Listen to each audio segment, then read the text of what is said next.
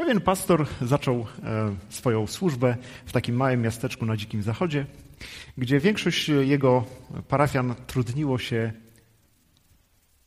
pracując w tartakach.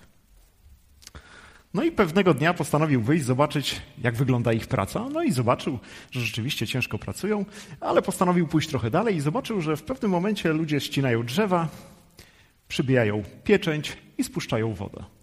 Ale patrzy, że jego parafianie łapią te drzewa, odcinają końcówkę, no i dalej przetwarzają to w swoich tartakach.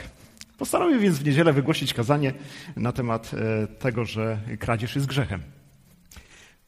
Po nabożeństwie wszyscy podeszli. Świetne kazanie. Naprawdę. Super. Zbudowaliśmy się ekstra. Pomyślał sobie, świetnie, pójdę zobaczyć w poniedziałek, pewnie coś się zmieniło w życiu moich parafian. Poszedł i zobaczył, że dokładnie robią to samo. Więc następnej niedzieli wygłosił dokładnie to samo kazanie, dodając tylko na samym końcu, odcinanie takich rzeczy jest grzechem. W poniedziałek już nie pracował. Bo kiedy mówimy, że to jest nasz grzech, wtedy zmienia się zupełnie perspektywa, bo kiedy mówimy ogólnie, to znaczy tyczy się wszystkich oprócz mnie.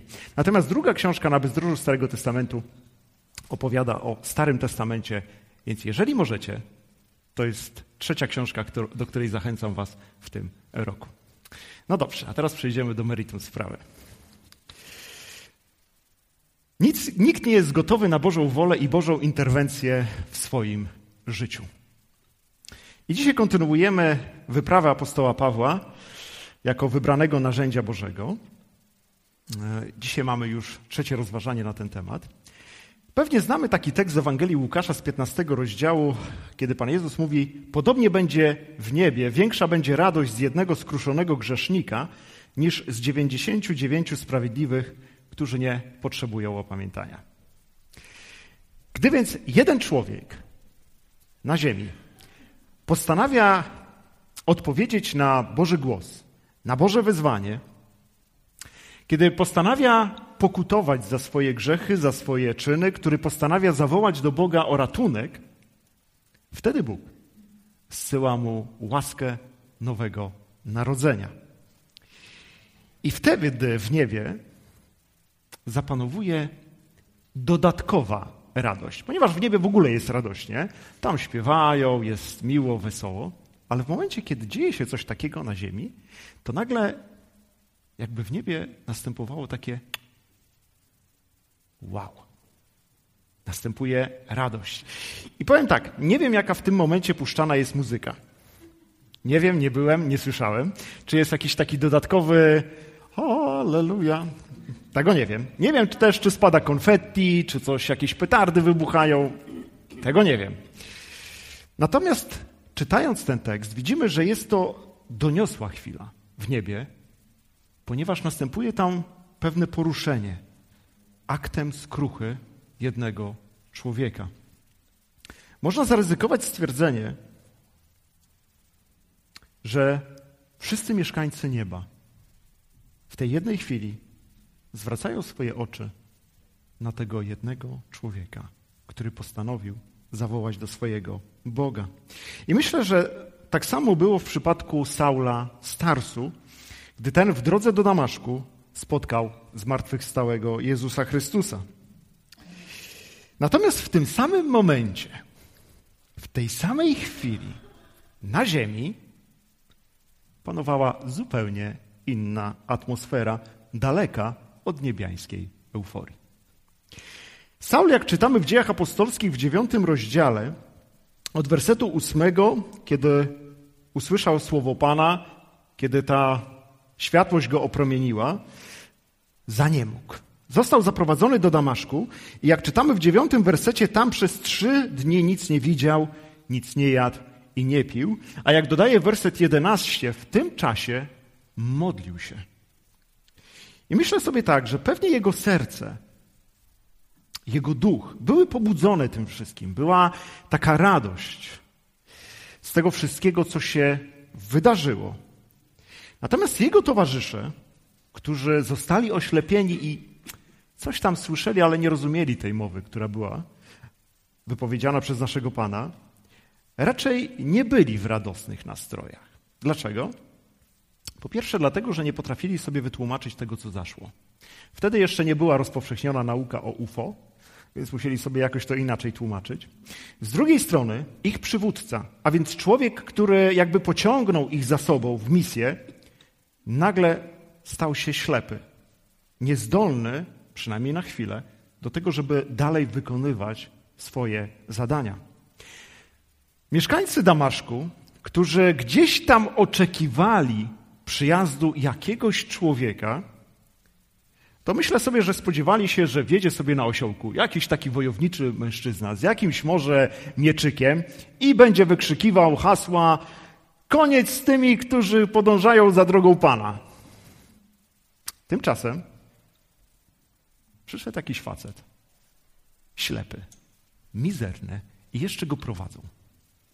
I to ma być ten człowiek, który ma zrobić porządek w naszym mieście? Ale zaskoczony był też Ananiasz. I można powiedzieć Kościół, który był skupiony wokół niego, ponieważ jak czytamy w Słowie Bożym, oni się bali tego, co ma się wydarzyć. I można powiedzieć tak, w niebie było wesele, ale na ziemi była stypa. Pomimo tego, że to był ten jeden i ten sam akt Nowego Narodzenia. Drodzy, myślę, że każdy z nas ma różne doświadczenia, jeśli chodzi o Nowe Narodzenie i też może słuchaliśmy i słyszymy różne też świadectwa na ten temat. Niektórzy, którzy mieli okazję wychować się w chrześcijańskich domach, pewnie w momencie, kiedy oznajmili swoim rodzicom i swojej wspólnocie, że narodzili się na nowo, to było to. Wszyscy radośni, super, gratulowali, modlili się, była radość. Ale ci wszyscy, którzy wychowali się w tak zwanych normalnych domach, mogli w domu mieć stypę. Dlaczego? Bo może małżonkowie lub rodzina zaczynali patrzeć na ciebie spod byka. Tak dziwnie. Może środowisko pukało się w głowę, zachęcając cię do tego, żebyś jednak poszedł do lekarza, bo zachorowałeś. A więc w niebie radość i wesele, na ziemi zaś stypasz żal i rozgoryczenie. Nie wiem, czy słyszeliście taką, e, takie świadectwo. Kiedyś ono tutaj zostało opowiedziane parę, parę lat temu, że dobra nowina skończyła się z tym, że dziewczynia zostały wystawione walizki przed drzwi. Ona przyszła, jestem zbawiona, no to dziękujemy. Ponieważ mawiamy, że zdradziłaś wiarę naszych ojców, przechrzciłaś się, poszedłeś za nową wiarą. I to jest taki paradoks tych ludzi, którzy takie rzeczy opowiadają. Bo nieważne, co do tej pory robiłeś. Mogłeś być w depresji, mogłeś pić, lać swojego współmałżonka i to było ok. Ale to, że przeszedłeś na inną wiarę, to lepiej, żebyś pił, lał dalej to, co e, lałeś, tak, żebyś był w depresji, żebyś zginął, żebyś się stoczył, ale nie daj Boże, żebyś przeszedł na inną wiarę. Pan Jezus w Ewangelii Jana w 15 rozdziale od wersetu 18 powiada do swoich uczniów, a teraz te słowa kierowane są do nas. Jeśli świat was nienawidzi, wiedzcie, że mnie znienawidził wcześniej niż was. Gdybyście byli ze świata, świat kochałby was jak swoją własność. Ponieważ jednak nie jesteście ze świata, ale ja was wybrałem ze światła, dlatego was świat nienawidzi. Pamiętajcie o słowie, które do was skierowałem. Sługa nie jest większy od swojego Pana. Jeśli mnie prześladowali, i was prześladować będą. Jeśli moje słowo wypełniali, i wasze będą wypełniać. Jednak to wszystko będą wam czynili ze względu na moje imię, gdyż nie znają tego, który mnie posłał. Nowe narodzenie nie jest niczym innym, używając takiego języka militarnego, jak przejściem z jednego obozu do drugiego. A więc przechodzisz z obozu diabła do obozu samego Boga. Tym samym dla świata stajesz się dezerterem i zdrajcą. I dlaczego mielibyśmy teraz Ciebie kochać, tolerować, szanować i Ci pomagać? Dlatego, drodzy, musimy sobie uświadomić i przyjąć to, że bez względu na to, co mówi świat i do czego nas zachęca, my, wbrew temu powinniśmy zawsze podążać za naszym Bogiem. I teraz, drodzy, przejdźmy do głównej myśli naszego rozważania, że nikt nie jest gotowy na Bożą wolę i Bożą interwencję w swoim życiu. Jak mówiliśmy ostatnio, Saul podążał do Damaszku i nie zakładał, że spotka tam jakiegokolwiek Boga. Zakładał, że dotrze spokojnie, zrobi swoje, wróci pełnej chwale. Dlatego to spotkanie tuż przed bramami Damaszku było dla niego nieoczekiwane, ale bardzo owocne. Spotkał Jezusa i też postanowił, że odda swoje życie w Boże ręce. I też postanowił Saul, że od tej pory przyjmie to Boże powołanie, które nie było takie proste, ale że przyjmie i będzie szedł cały czas w tym kierunku. Towarzysze Saula także nie byli gotowi na Bożą interwencję. Nie wiemy o tym, czy rozmawiali z Saulem po drodze o tym, co się wydarzyło. Słowo o tym Boże nie mówi. Natomiast słyszeli to, co Saul mówił potem. I w dziejach apostolskich, w dziewiątym rozdziale od wersetu dziewiętnastego czytamy, że po zjedzeniu posiłku powrócił do sił, a po paru dniach przebywania z uczniami w Damaszku Saul zaczął głosić Jezusa w synagogach. Utrzymywał, że to on jest synem Boga. Wszyscy, którzy go słuchali, byli zdziwieni. Czy to nie jest ten człowiek, pytali. Występował w Jerozolimie przeciwko ludziom wyznającym tego imienia. I czy nie przyszedł po to, aby również tutaj schwytać im podobnych i doprowadzić ich do arcykapłanów? Saul tymczasem występował coraz śmielej, wprawiał w zakłopotanie Żydów mieszkających w Damaszku, bo dowodził, że Jezus jest Chrystusem. Nie wiemy, czy towarzysze zostawili Saula i wrócili, czy też przez jakiś czas byli z nim, żeby mu pomagać. Natomiast jeżeli którykolwiek z nich został i przysłuchiwał się temu, co głosi Saul, to nie zrobiło to na nim żadnego wrażenia, przynajmniej nie czytamy w Słowie Bożym, aby to odmieniło ich życie. I myślę, że z tygodnia na tydzień, słuchając tego, co Saul opowiada w synagodze, byli coraz bardziej zszokowani. Co ty, człowieku, robisz? Przyszliśmy tutaj, żeby ich schwytać, a ty zaczynasz stawać po ich stronie? Natomiast mieszkańcy Damaszku oraz Żydzi, którzy chodzili do synagogi, oni też nie byli gotowi na Bożą interwencję. Byli wręcz zdziwieni tym, co się dzieje wokół nich. I co ciekawe, pewnie większości z nich też nie dało to do myślenia, że człowiek, który do tej pory był znany z tego, że tępił ludzi, którzy podążali drogą Jezusa, teraz staje w ich obronie. Natomiast gdybym ja był wśród nich, to bym pomyślał tak. Dobry jest.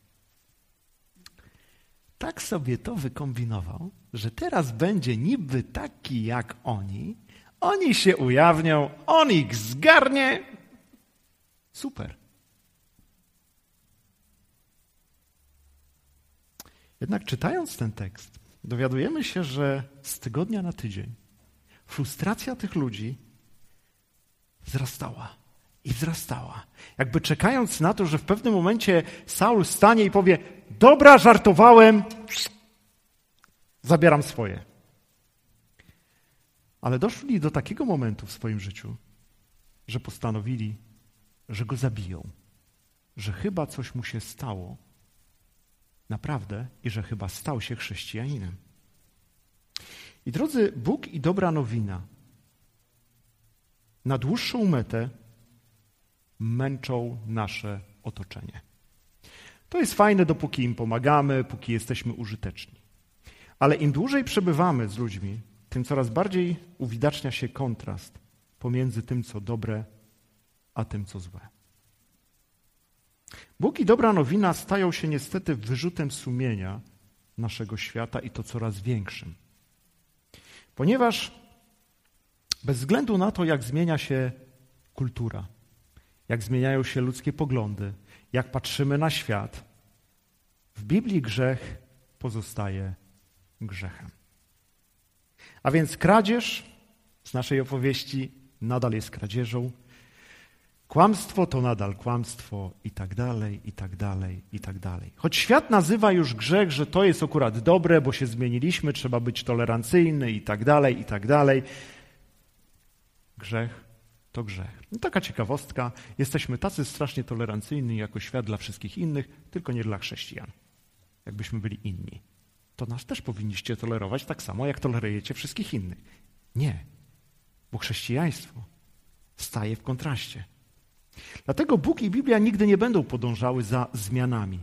Bóg nigdy nie ogłosi czegoś takiego, dobra, skoro żeście mnie przegłosowali, nie ma problemu, zmieniam pogląd.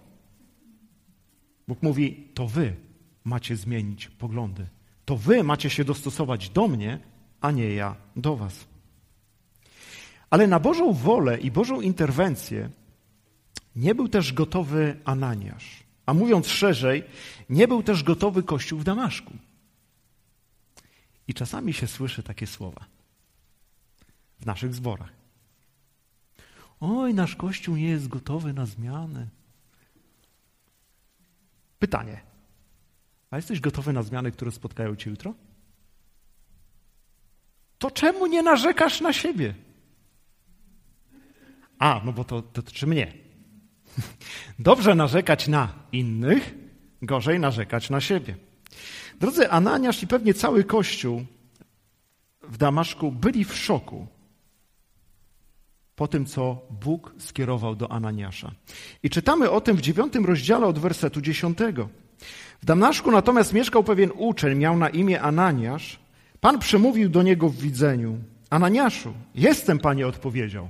Fajnie, nie? Jak Bóg do nas mówi, Pan mi powiedział, nie?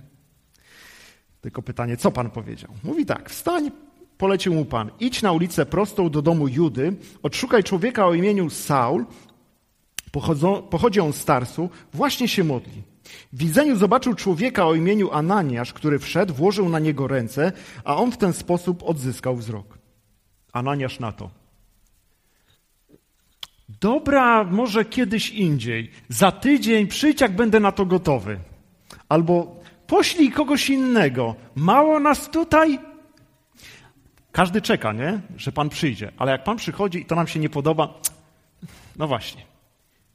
Panie, od wielu ludzi słyszałem o tym człowieku.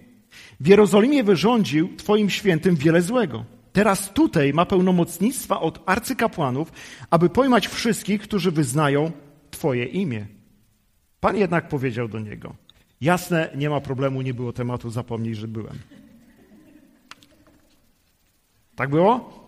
No nie, tak właśnie nie było. Pan jednak powiedział do niego: Idź, gdyż ten człowiek jest moim wybranym naczyniem. On zaniesie moje imię przed pogan, królów i synów Izraela. Ja sam pokażę mu, ile będzie musiał wycierpieć, wycierpieć dla mojego imienia. Czy strach Ananiasza był uzasadniony? Jak najbardziej. Ponieważ reputacja Saula przybyła wcześniej do Damaszku niż on sam. I pewne rzeczy, które spotykają nas w życiu, rzeczywiście napawają nas strachem niepokojem, bo są rzeczywiste, to nie są nasze urojenia. Jednak Boża wola zawsze wykracza ponad nasze wyobrażenia i nasze możliwości. Dlaczego? Ponieważ niejako przymusza nas do tego, aby ją podejmując, całkowicie zaufać naszemu Bogu. Bo gdybyśmy sami byli w stanie wszystko zrobić, pytanie, po co nam Bóg? Ale Boża wola ma to do siebie, że jest większa niż my i wykracza poza nasze rozumienie, nasze siły, nasze emocje. I Bóg mówi: No to chodź. Panie, chcemy Ci być posłuszni. No to chodź. A więc Ananiasz oraz bracia i siostry słyszeli o Saulu i to budziło obawy i lęk.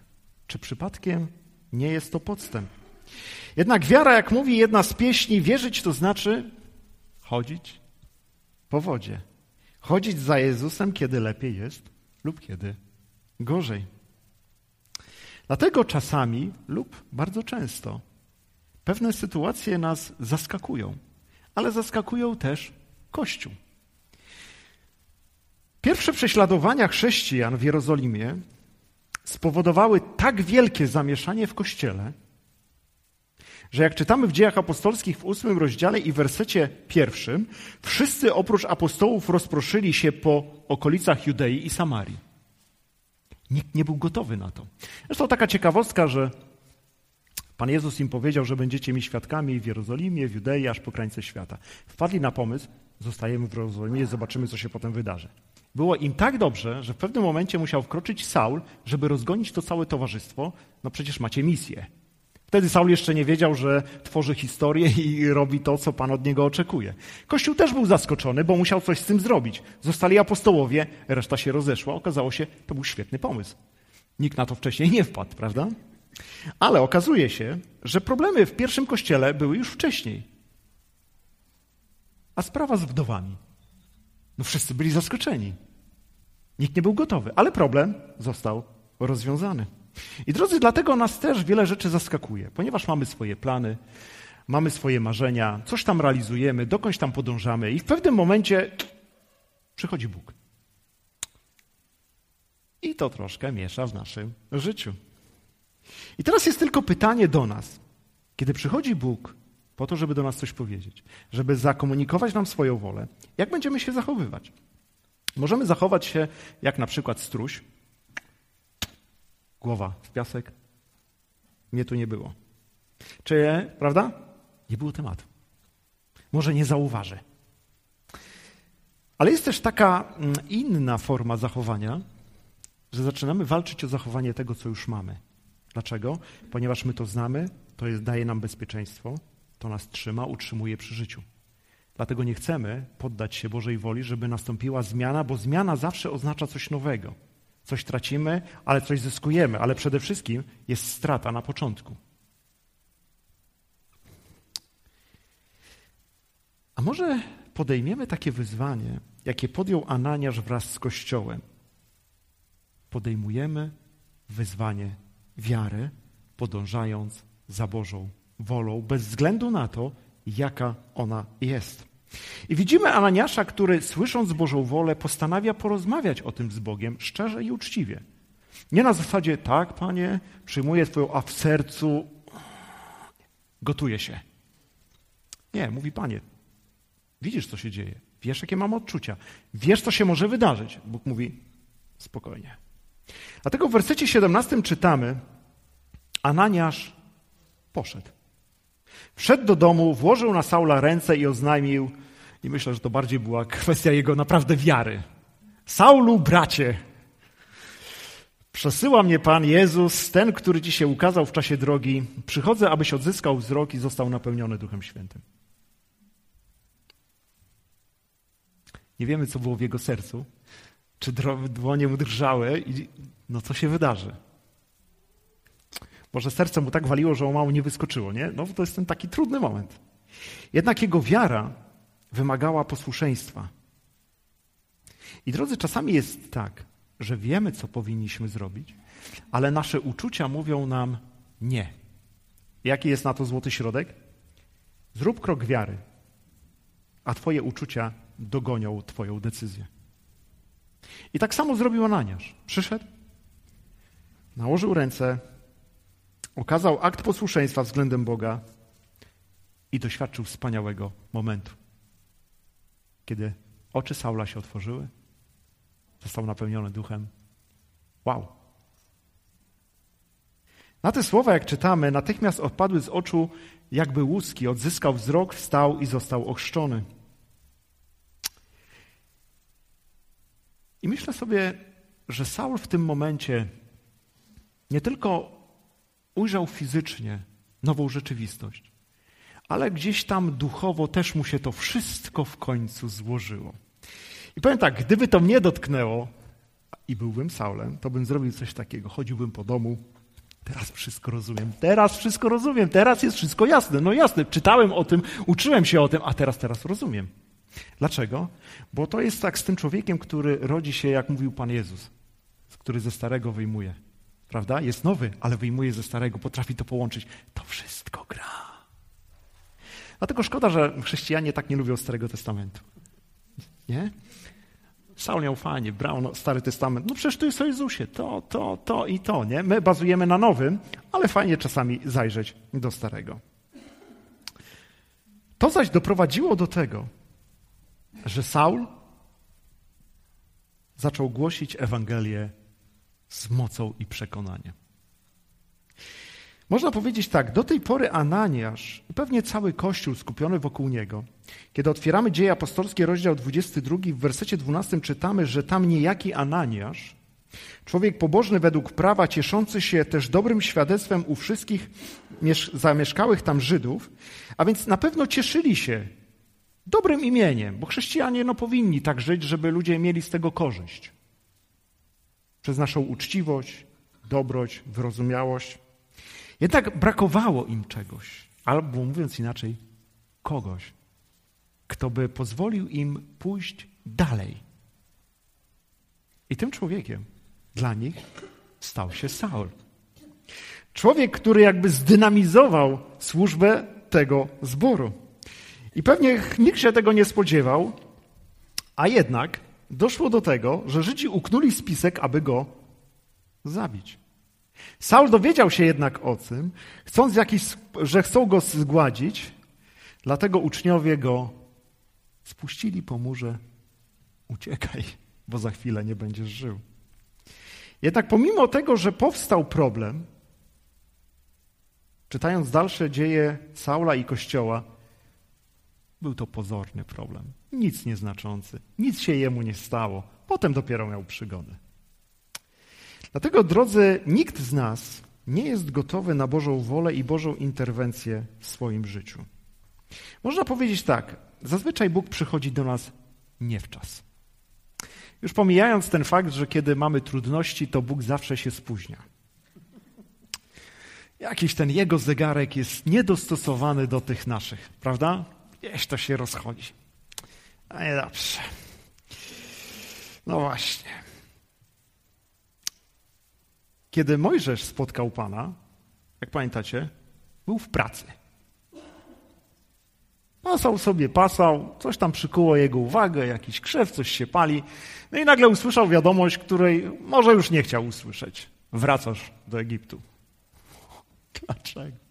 Za jakie grzechy? Co ja ci zrobiłem? Byłem tam, widzisz, nie dało się, jestem tutaj. Apostołowie, kiedy spotkali Pana Jezusa, który powiedział do nich, pójdźcie za mną, co robili? Byli w pracy. Saul też był w pracy w drodze do Damaszku. A więc zawsze gdzieś ta Boża wola przychodzi do nas nie w czas. Ale pomyślmy teraz na to, o tym inaczej. Skoro pragniemy tego, aby Bóg objawiał nam swoją wolę, bo chcemy być Mu posłuszni, chcemy podążać Jego śladami, to skoro Bóg postanowił nam to objawić, albo mówiąc inaczej, skomunikować się z nami, to musi być to naprawdę ważne. Czyli nie ma problemu, możesz zaburzyć dzisiejszy dzień. Dzień zmienia się w tydzień, miesiąc i rok.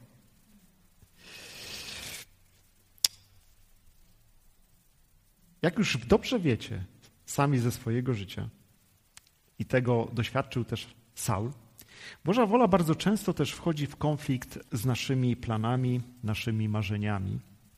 I dlatego człowiek, kiedy spotyka Boga na swojej drodze, czy tego chce, czy nie, musi coś z tym zrobić. Powiem tak, można to zignorować i przejść koło krzewu gorejącego. Tak. Widziałeś krzew? Nie. Można, można. Natomiast e, takie obejście tego, niezauważenie, powoduje to, że kiedy staniesz po śmierci przed Bogiem, Bóg cię nie zauważy. Nie spędzę z tobą wieczności. Bo nie chciałeś mnie zauważyć. To dlaczego ja teraz miałbym zauważyć ciebie? Możemy też stanąć tak zwanym przysłowiowym, okej, okay, chciałem użyć słowa okoniem, a więc podjąć walkę z Bogiem i z Jego wolą. Zbuntować się przeciwko Niemu. I efekt zawsze jest taki sam. E, próbujesz, próbujesz, próbujesz i na końcu wiesz, że i tak przegrasz. No ale ludzie podejmują to staranie, ponieważ jakby ciągną cały czas w tą drugą stronę. Tracąc swoje siły, często majątek, popadają w frustrację, no bo Bóg jakby cały czas przemawia, ty wiesz, co powinieneś, ale jednak chcesz iść w drugą stronę. Człowiek popada też w zniechęcenie lub jakiś taki żal. Chodzi niezadowolony, ciągle obrażony, wszystko mu się nie podoba.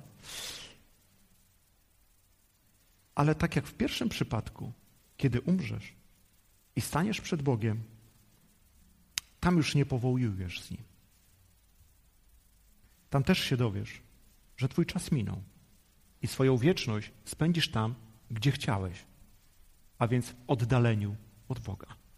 Skoro nie chciałeś być ze mną na ziemi, to dlaczego chcesz być teraz ze mną tutaj?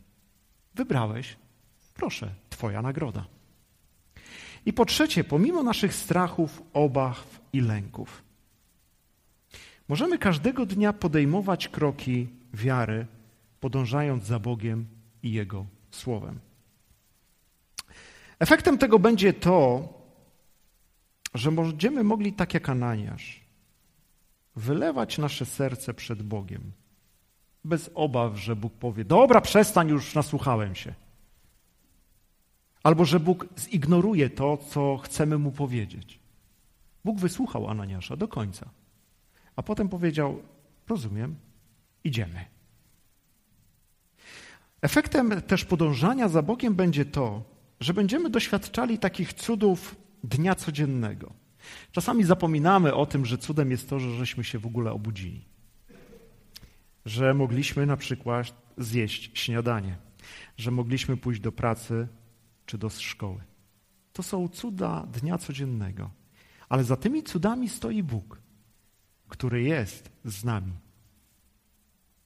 Efektem też tego będzie to, że możemy co jakiś czas doświadczać rzeczy niesamowitych albo takich rzeczy, które nawet nigdy nie przeszły nam przez myśl.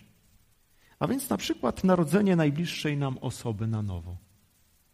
Byś nigdy nie pomyślał, że ten wujek czy ta ciocia, którzy zawsze byli na nie, którzy byli wojowniczy, którzy cię tępili przez tyle lat, dlatego że podjąłeś taką, a nie inną decyzję, nagle pewnego dnia dzwonią do ciebie, słuchaj, rozumiem, narodziłem się na nowo. Może otrzymasz niespodziewany prezent, którego, który rozwiązuje mnóstwo Twoich problemów. Efektem też może być to, że pojawią się problemy i troski że ludzie wokół ciebie nie będą cię rozumieć coraz bardziej i bardziej i bardziej. A diabeł będzie ci rzucał nie kłodę pod nogi, ale kłody, całe ciężarówki, tylko po to, żebyś zawrócił. Ale drodzy, w tym naszym podążaniu za Bogiem nigdy nie jesteśmy sami. To nie jest tak, że Bóg mówi: chodź i jedziesz. Ja poczekam, zobaczymy, czy ci się uda. Nie. Kiedy Bóg nas zaprasza do swojej woli, zawsze idzie obok nas. Ponieważ ten, który powiedział, pójdź za mną, powiedział też, będę z wami aż do skończenia świata. Jeśli więc, drodzy, jesteśmy zaskoczeni Bożą wolą i Bożą interwencją w naszym życiu, proponuję, porozmawiajmy o tym z Bogiem. O tym, co mamy w sercu, co to wzbudziło, jakie mamy lęki, obawy, czego nie rozumiemy a później wstańmy i podejmijmy wyzwanie. Zróbmy pierwszy krok wiary, a później zróbmy następny i następny i następny.